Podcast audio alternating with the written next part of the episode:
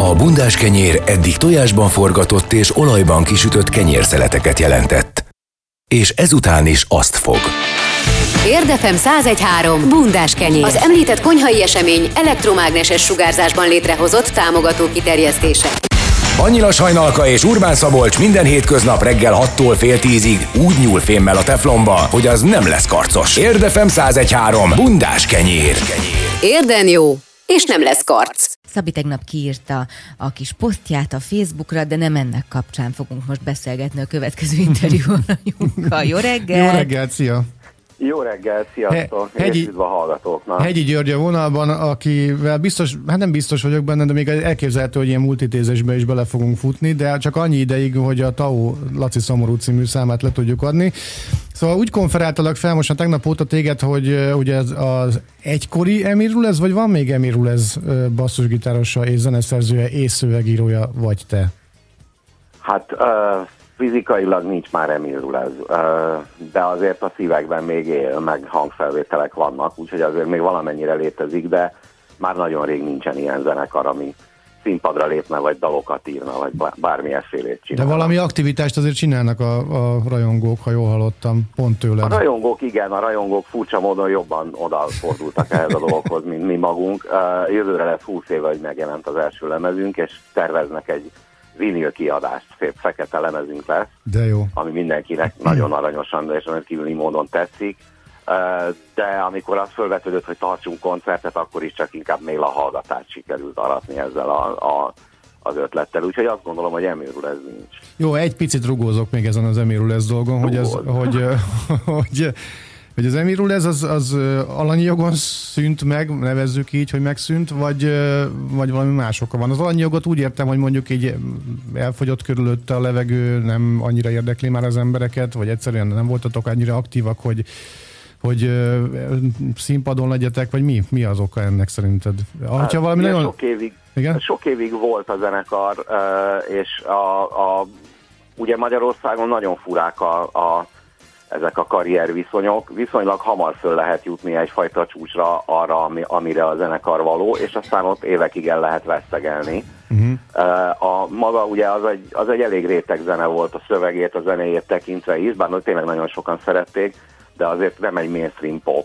Úgyhogy uh, viszonylag hamar kiettük azt az edényt, amit a magyar piac számunkra uh, kínálni tud, és uh, volt pár év, amikor lényegében ugyanaz történt, játszottunk mindenféle fesztiválokon, írogattunk dalokat, de hogy nem volt benne már nagyon előremutató progresszió, és aztán az egész valamilyen módon kifáradt voltak személyes uh, nehézségeik is tagoknak, uh, amik visszavetették a, a, az együttműködést, úgyhogy szépen lassan aztán így elmúlt az egész. Annak idején, mikor 20 éve megismerkedtünk, vagy a 19 éve megismerkedtünk, akkor ugye Hajós Andrással és uh, ugye veled találkoztunk egy stúdióban, és hát ilyen uh, hivatalnoknak néztetek ki, vagy irodistáknak, és hogy teljesen mással foglalkoztatok, mint egyébként uh, most, és uh, ugye a zene az egy ilyen hobbi valami volt, és hát azt leszem észre, hogy az evolúciótok az ugye azt eredményezte, odafutott ki, hogy akkor te is, meg András is, de mondjuk most veled beszélgetünk, hogy, hogy te maradtál a zenénél, és a, gyakorlatilag ezzel foglalkozol. Térjünk is rá akkor a TAU nevű formációra, aminek szerintem tök jó neve van. Nyilván van egy ilyen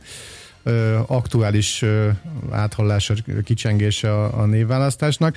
Szóval, hogy ezzel mi a helyzet ezzel a zenekarral? Ezt, ezt régi dédelgetett álmod, vagy hirtelen jött ötletből, vagy hogy, hogy sikerült ezt összehozni? Ez furcsa történet. Egyrészt a név az ugye a Tao Tekingre utal, nem a Nem a, nem a Tao támogatásra? De, de ettől függetlenül van, van kicsengése, hogy, hogy Tao Van, igen, érted, ezt, uh, igen, ez, van, van egy ilyen buké a dolognak, de a Tao Teking az, hogy mondjam, nagyobb uh, tanulságokkal szolgál az hát, olvasók számára. Ezt már a történelmi könyvek eldöntik, rövid és középtávon. Az adó lehetőségek. A, ami meg az megszületését illeti, volt egy kellemetlen szerzői évem, amikor ugyan nagyon sok mindent és rendkívül jó dolgokban dolgozhattam dalszövegíróként, e, és valahogy minden fiókban maradt. Ez e, nagyon ritkán fordul elő, de, de velem egyszer megesett. E, nagyszerű darabokat írhattunk, nagyszerű zeneszerzőkkel, klasszikus zeneszerzőkkel is dolgoztam, írtam remek popdalokat, egy csomó mindent csináltam, és valahogy minden egyes projekt úgy alakult ki, hogy a végén vagy egy előadás volt belőle, vagy egy se. És ez írtó dühítő, mert az, hogy az ember a saját fiókjának ír, az egy szerző számára elég normális dolog de az, hogy mások fiókjának írni, az viszont hülyeség. De legalább a pályázati hogy... pénzt megkaptátok érte? Nem is pályázat, ezek még ráadásul ki is voltak fizetve, tehát hogy ezek, ezek létező üzletszerűen működő projektek voltak, és, és soha nem rajtunk szerzőkön múlt a fiókban maradás. Úgyhogy eldöntöttem, hogy mások fiókjának nem írok, és, és ezek kiváltott bennem egy ilyen szerzői dühöt, hogy hogy basszus, tök ügyesek vagyunk, nagyon uh, rendesen elvégezzük a munkánkat, tényleg, tehát, hogy igényes dolgokat teszünk az asztalra, uh, és senki nem hallja. Ez így marhaság. Ugye ez, ez lényegében teljesen értelmetlenné válik. A szob, mint a szobrász lennél, kifaragsz valami, talán azonnal bedobod egy mély tóba, és hát, soha többet nem látja. Van egy, van egy közös ismerősünk, a, a Bab, Bruzsa Gábor, akiről rendszeresen szoktam sztorizgatni itt a rádióban, és ugye éjszakai technikusként dolgozott az Estefem rádióban, és Hát éjszaka ugye nyilván túl sok dolog nincs egy rádióban, és egy lemezanyagokat tett össze, rakott össze különböző hangszerkesztő programokkal, majd amikor fogta magát, reggel ugye jött a váltás, fogta, és mindent kitörölt.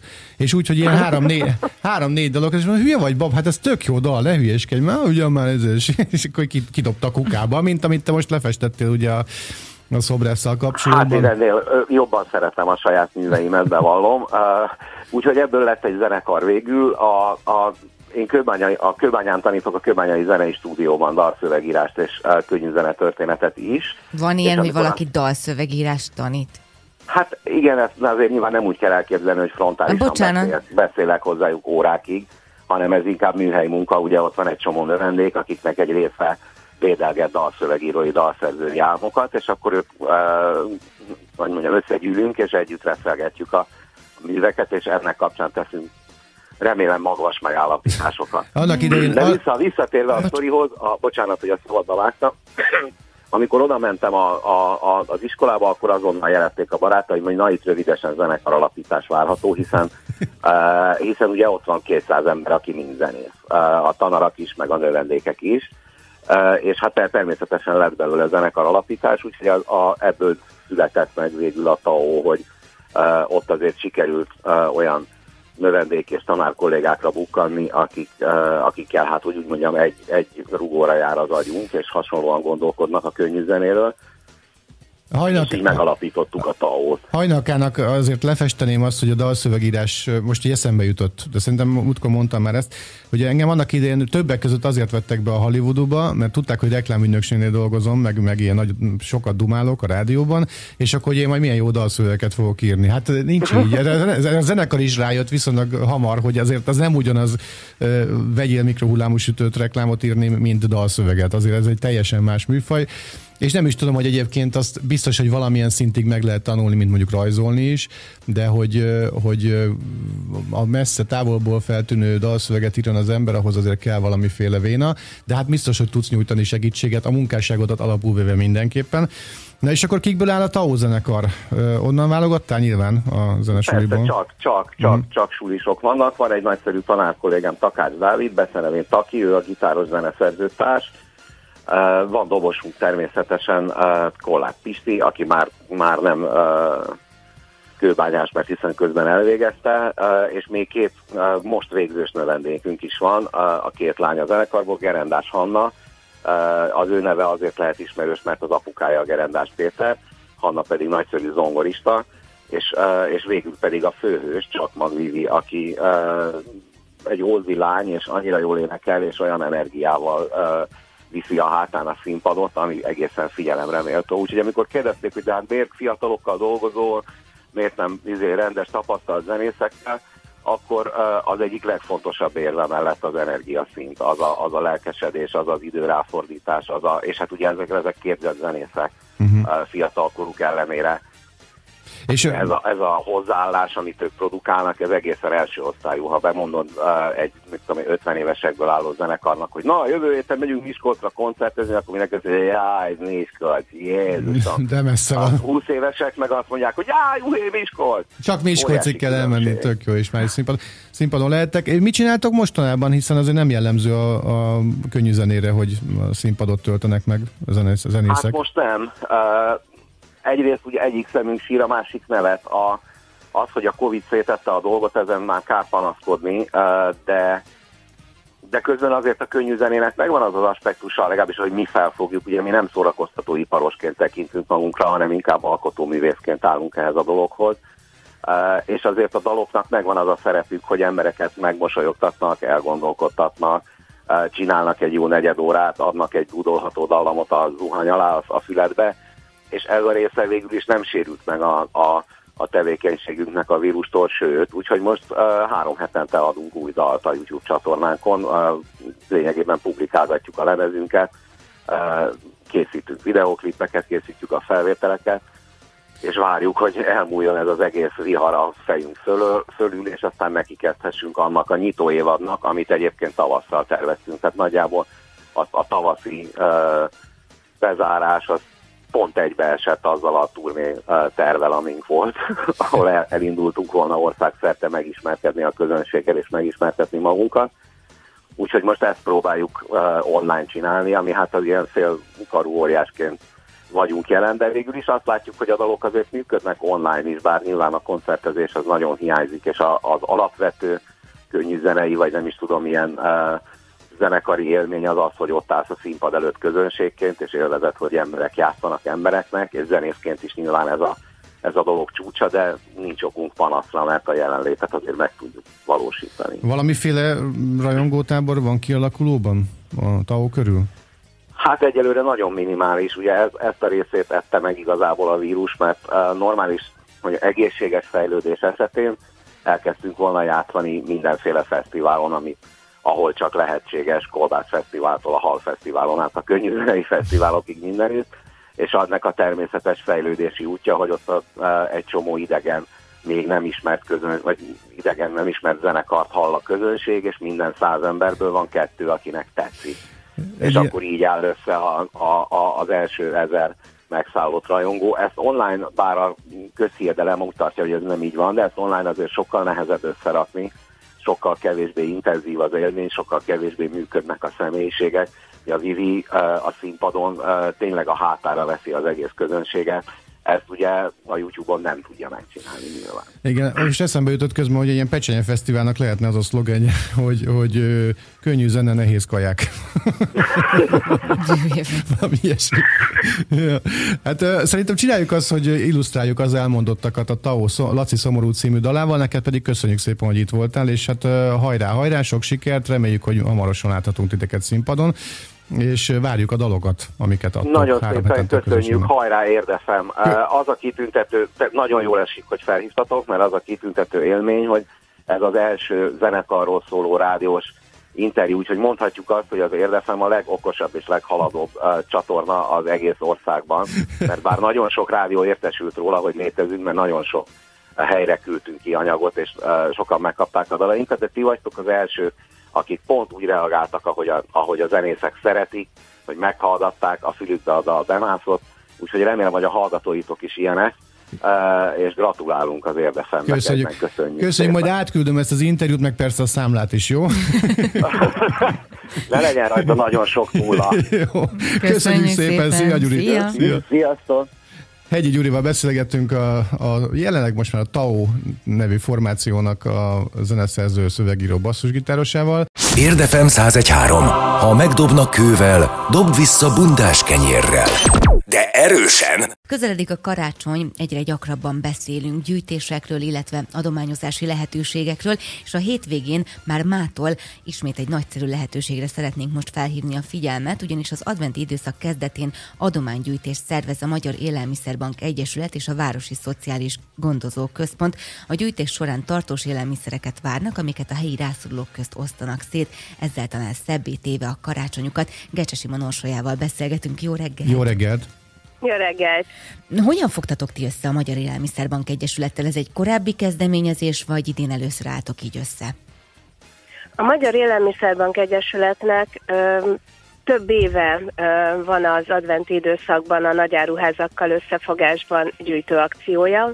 Az adventi időszakban a hétvégék során a legtöbb Tesco áruházban szervez gyűjtést a Magyar Élelmiszerbank Egyesület. Ezeket a alkalmakat a különféle szervezetek, segítőintézmények megpályázzák, és amikor ezt a lehetőséget elnyerik a Magyar Élelmiszerbank Egyesülettel, akkor egy szerződés keretében az adott áruházban az adott hétvégére kötött szerződés alapján gyűjtjük az élelmiszert mi magunk is, gyűjtik a szervezetek az élelmiszer csomagokat, a, a, ilyen esetekben a tartós élelmiszereket várjuk, ezeket tudjunk majd a későbbiek során továbbadni. Tehát ez egy régi, régi kapcsolat, egy régi együttműködés, a mindennapokban is szerződésben állunk a Magyar Élelmiszerbank Egyesülettel, melynek keretében minden nap élelmiszercsomagot tudunk osztani a rászorulók számára. Tehát ez gyakorlatban azt jelenti, hogy ti rendelkeztek azzal az adatbázissal, hogy kik azok, akik valóban rászorulnak, és kik azok, akiknek valódi segítséget nyújt ez a gyűjtés. Miket vártok elsősorban a kosarakba? Mit lehet ilyenkor betenni? Ilyenkor tartós élelmiszereket várunk, kifejezetten tartós élelmiszereket, lisztet, cukrot, olajat, konzerveket, édességeket, olyan élelmiszereket, amelyek, amelyek nem azonnali fogyasztással fogyasztásra szorulnak, hanem hosszú hetekig nyújthatnak segítséget azoknak az embereknek, azoknak az érdi lakosoknak, akik valamilyen ok miatt erre rászorulnak. Ezeket az élelmiszereket mi begyűjtjük, és élelmiszercsomagokat állítunk össze belőlük. Élelmiszercsomagokat, amelyek személyre szabottak abból a szempontból, hogy a, a, a gyermekes családok mást, az idősek mást, mindenki a, a szükségleteinek megfelelő élelmiszereket kap majd belőle. Tehát ez azt jelenti, hogy én elmegyek a hétvégén, vagy akár már ma a Tesco áruházba, bevásárolok, és akkor pluszban veszek lisztet, cukrot, amiről úgy gondolom, hogy azzal tudok segíteni, és akkor megkeresem a gyűjtőpontot, és átadom? Ez pontosan így működik, igen. Uh-huh. És ehhez kell valami mm, szerződést kötnöm az élelmiszerbankkal, alá kell ott írnom valamit, vagy, vagy semmit? Ez nem szükséges, az adatokat sem kell megadni hozzá. Természetesen, hogyha valaki szeretne rendszeresen támogatónká válni, vagy önkéntesünké válni, akkor erre van mód és lehetőség de alapvetően, hogyha egész egyszerűen csak besétálunk az áruházba, és veszünk egy plusz kiló cukrot, egy plusz kiló lisztet, és egy plusz olajat, és átadjuk a kollégáknak, ők ezt át fogják venni, és nagyon hálásak lesznek érte, mindössze erre van szükség ahhoz, hogy támogatójá váljunk ennek az akciónak. Talán okafogyott a kérdés, mert nyilvánvalóan azért gyűjtötök, mert szüksége van ezeknek a családoknak ezekre a tartós élelmiszerekre, de ezzel valódi segítséget tudunk egyébként adni? Mindenképpen valódi segítséget jelent ez a családok, az egyedülálló rászorulók számára, az idősek számára, hiszen nem akarok nagyon triviális lenni, de hogyha csak arra gondolunk, hogy valakinek egy hétre megkönnyítjük az életét, egy hétre segítséget nyújtunk számára, akkor már az nagyon sokat jelenthet. Én férfi vagyok, de hogyha szeretnék segíteni, akkor lehet, hogy bajba lennék azzal, bár mondjuk, hogy bele, bele kaptunk a témába, hogy mit jelent az, hogy tartós élelmiszer. Én nagyjából tudom, hogy tészta, meg, meg ilyenek, de hogy esetleg a nevesíteni tudnád, hogy segíts nekem, jó? Mert ugye, én meg, igen, tud, igen. meg tudom venni a péksüteményt, és ennyi körülbelül. Világos. A tartós élelmiszerek körébe, ahogy említettük már a liszt, a cukor, az étolaj, a konzervek, de ahogy te is említetted, a tészta is beletartozik. Minden olyan, aminek hosszú a lejárata. Lehet ez tartós te is. Minden olyan, aminek hosszú a lejárata, amit nem azonnal kell felhasználni, hiszen ha nem tesszük meg, akkor megromlana. Minden, amiből lehet készíteni valamit, annak is nagyon örülünk. Ezek a tartós élelmiszerek, a, amiket várunk. Kedves Szabolcska, ezek a tartós élelmiszerek. De gondolom Igen. van erre lehetőség, hogyha mondjuk valaki bemegy az áruház, mert nem hallott ezt az interjút, nem olvasta az interneten, a Facebookon, az Érdmoston, akkor vannak ott gondolom olyan önkéntesek, akik erre fel is hívják a figyelmet ezen a hétvégén, hogy szia, van egy ilyen lehetőség, és esetleg segíthetnél, és ezeket vehetnéd meg. Természetesen két helyen találkoznak majd a, a vásárlók a kollégáinkkal.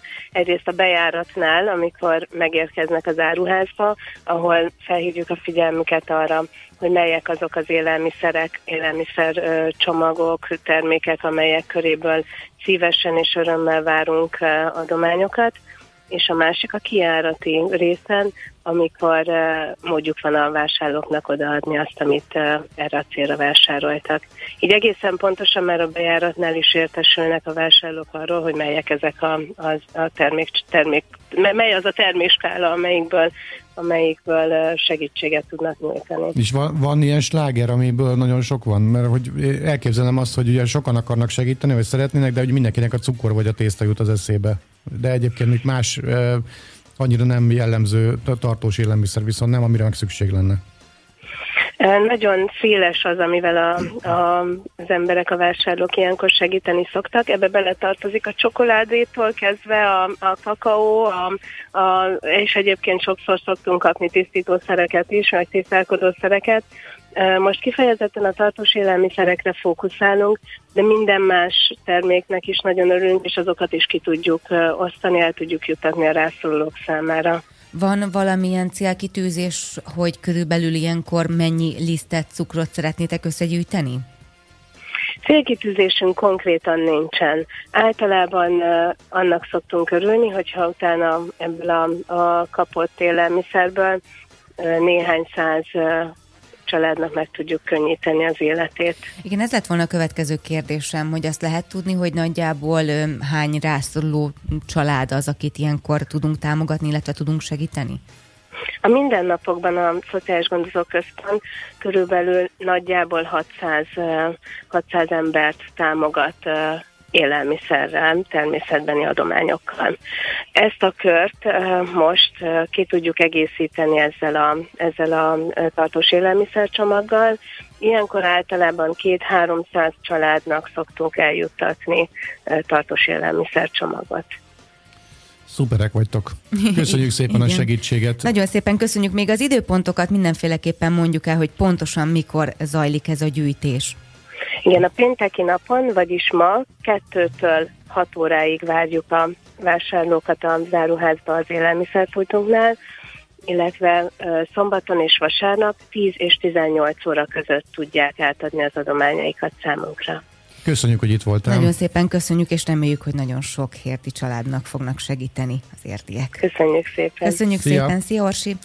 Gecses Orsolyával beszélgettünk az Érdi Szociális Gondozó Központ munkatársával, tehát még egyszer már ma kezdődik a gyűjtés, 14 és 18 óra között, szombat és vasárnap pedig 10 és 18 óra között lehet segíteni tartós élelmiszerekkel a helyi rászoruló családnak, mint hallottuk, több mint 600 érdi családnak tudunk segíteni. Érdefem 1013. Bundás kenyér. A világ első egyaránt jobb és balkezes rádióműsora, formatervezett kézreálló műsorvezetőkkel, praktikusnak nevezhető frekvenciával és laza három és fél órás műsoridővel. Minden hétköznap reggel 6-tól fél tízig. Ahogy ígértük, arról beszélgetünk, hogy a Darukezelő utcai klímabarát park kialakításával kapcsolatban a lakosság véleményét várja a város vezetése, mert aki szívesen részt venne az együtt gondolkodásban és segíteni a városvezetés munkáját, egy internetes kérdőívet tölthet ki ezzel kapcsolatban. A vonalban Csűzik László polgármester, jó reggelt kívánok! Jó reggelt! Jó reggelt kívánok, üdvözlök mindenkit, köszöntöm a hallgatókat. Egy nagyon picit beszélgessünk erről a klímabarát parkról, mert hogy múlt héten vendégünk volt dr. Palkó Zsolt, ugye a városnak a klímavédelmi biztosa, és akkor egy kicsit megismerhettük ezt a parkot, de így a Facebookon elég nagy a felindulás ezzel a parkkal kapcsolatban, hogy vajon biztosan ez a legfontosabb feladata-e a városnak egy picit mesélne róla, hogy miért gondolják úgy, hogy egy ilyen klímabarát parkot mégiscsak kialakítanának saját költségre? Nyilvánvalóan nem ez a legfontosabb feladata a városnak, hanem gondolom én a vírus elleni védekezés, illetve az utak felújítása, karbantartása, mondjuk, hogy csak két random célt jelöljek meg, de ezek a célok és a klímapark a többivel nem konkurál, tehát ezek nem egymás rovására készülnek vagy épülnek. Szó sincs arról, hogyha mi megépítjük mondjuk ezt a klímaparkot, akkor mondjuk kettővel kevesebb utcát csinálunk csak meg az aszfaltozási programban. Ráadásul ennek a költségvetése nem is olyan borzasztóan nagy, tehát egészen kis tételről van szó, érmegye jogú város közösségi költségvetése szempontjából ez elhanyagolható. Viszont szimbolikusan, jelképesen annál fontosabb, sajnos mi a megyei jogú városok között le vagyunk maradva jócskán az élhető, birtokba vehető zöld felületekkel a városon belül. És hogyha arra gondolunk, hogy amikor jövünk haza mondjuk a parkvárosban éljük az emetesen, és, és ugye ott, ott a tábla is, és ott a jelzés is, hogy parkváros, hát én kérdezem azt, hogy mitől parkváros az a városrész, amiben nincs egy árva szem, tehát egy szál park sem. Tehát elindulunk egy olyan úton, hogy parkokat hozunk létre. Ennek a kezdeményezésnek az alapja az a szilvafás projekt volt, ahol végül nem nyertünk a pályázaton. Először kihirdettek minket győztesnek, aztán néhány nap múlva rájöttek. futókör a futókör, illetve a hozzá kapcsolódó park pályázat. Egyébként zárójel a szilvafást is megpróbáljuk ebbe a körbe bevonni, tehát az lesz a második ilyen park, parkvárosban, és akkor merült föl bennem az, hogy keressünk egy olyan ö, könnyebb területet, úgymond, tehát kisebb területet, és már régóta erre a célra úgy kínál, kínálta magát a Darukezelő utcai volt Levente üdülő, szerintem régi érdiek tudják, ö, így jobban be tudják azonosítani, miről van szó.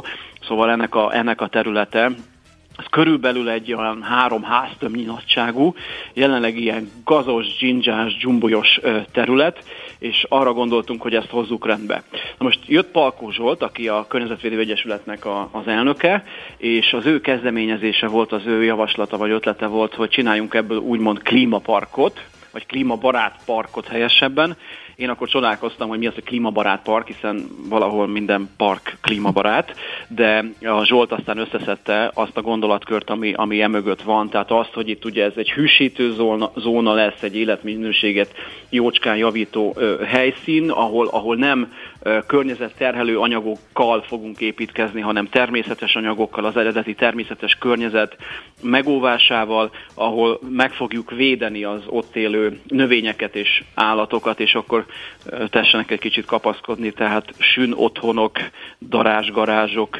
gyíkvárak, békabarlangok, madár, oduk, etetők, itatok lesznek kihelyezve, ami nagyon-nagyon jól hangzik.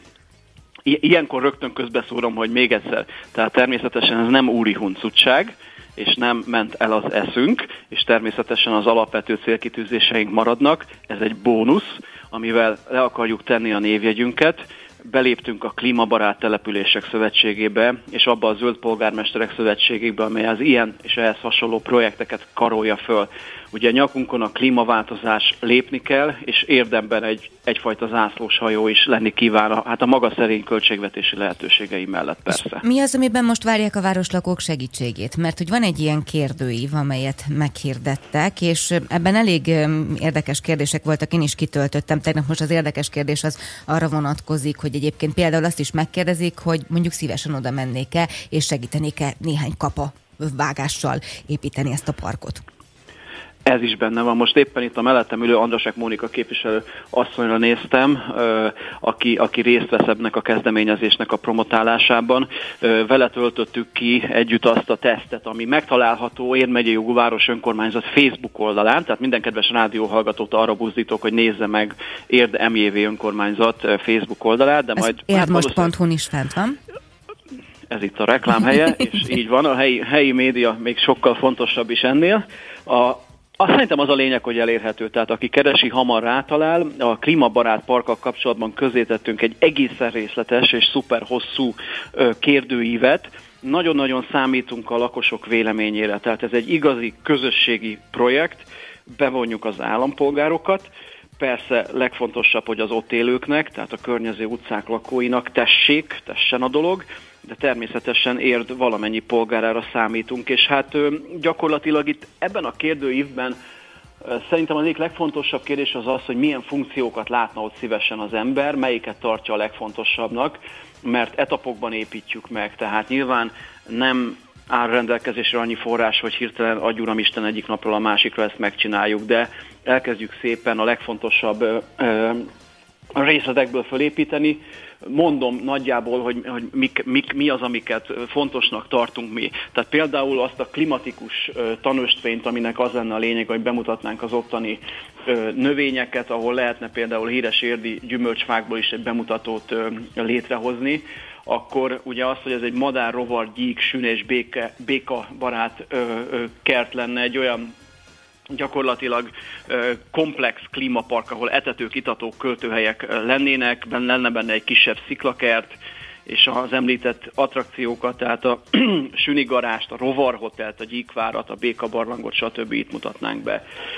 Tervezünk bele egy fűszerszigetet, egy közösségi kertet, Szeretnénk, ha lenne része egy olyan közösségi tér, ahol például hétvégente vagy havonta helyi termelői piacot és biopiacot lehetne szervezni, ahol, ahol fel lehetne állítani egy kicsi színpadot, szabatéri előadásokat, beszélgetéseket lehetne környezetvédelmi témákban tartani, akkor egy biztonságos bográcsozó tűzrakóhely, nyilvánvalóan játszótér szóba jöhet, padok, beszélgetőhely, és aztán olyan kuriózumok, mint a meditációs rét is, és hát végül a kerületén kialakításra kerülhető futópálya vagy kocogó, kocogópálya. És akkor ezekre lehet szavazni meg arra, hogy hát milyen gyakran látogatná az ember, hogy menne oda, tehát inkább a bringás parkolás részesítsük előnyben, vagy pedig a, az autóst.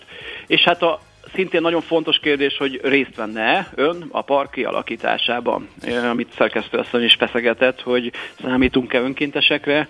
Persze számítunk, és nem csak azért, mert vagy legkevésbé azért, mert ezzel pénzt lehet spórolni mondjuk a város kasszájából, hanem azért, mert ez önmagában egy nagy élmény, hogy a város ezáltal is közösségé válhat. Tehát ha együtt csináljuk, akkor mindenki magáénak érzi, akkor, akkor nem fogjuk lerombolni, nem fogunk ott szemetelni.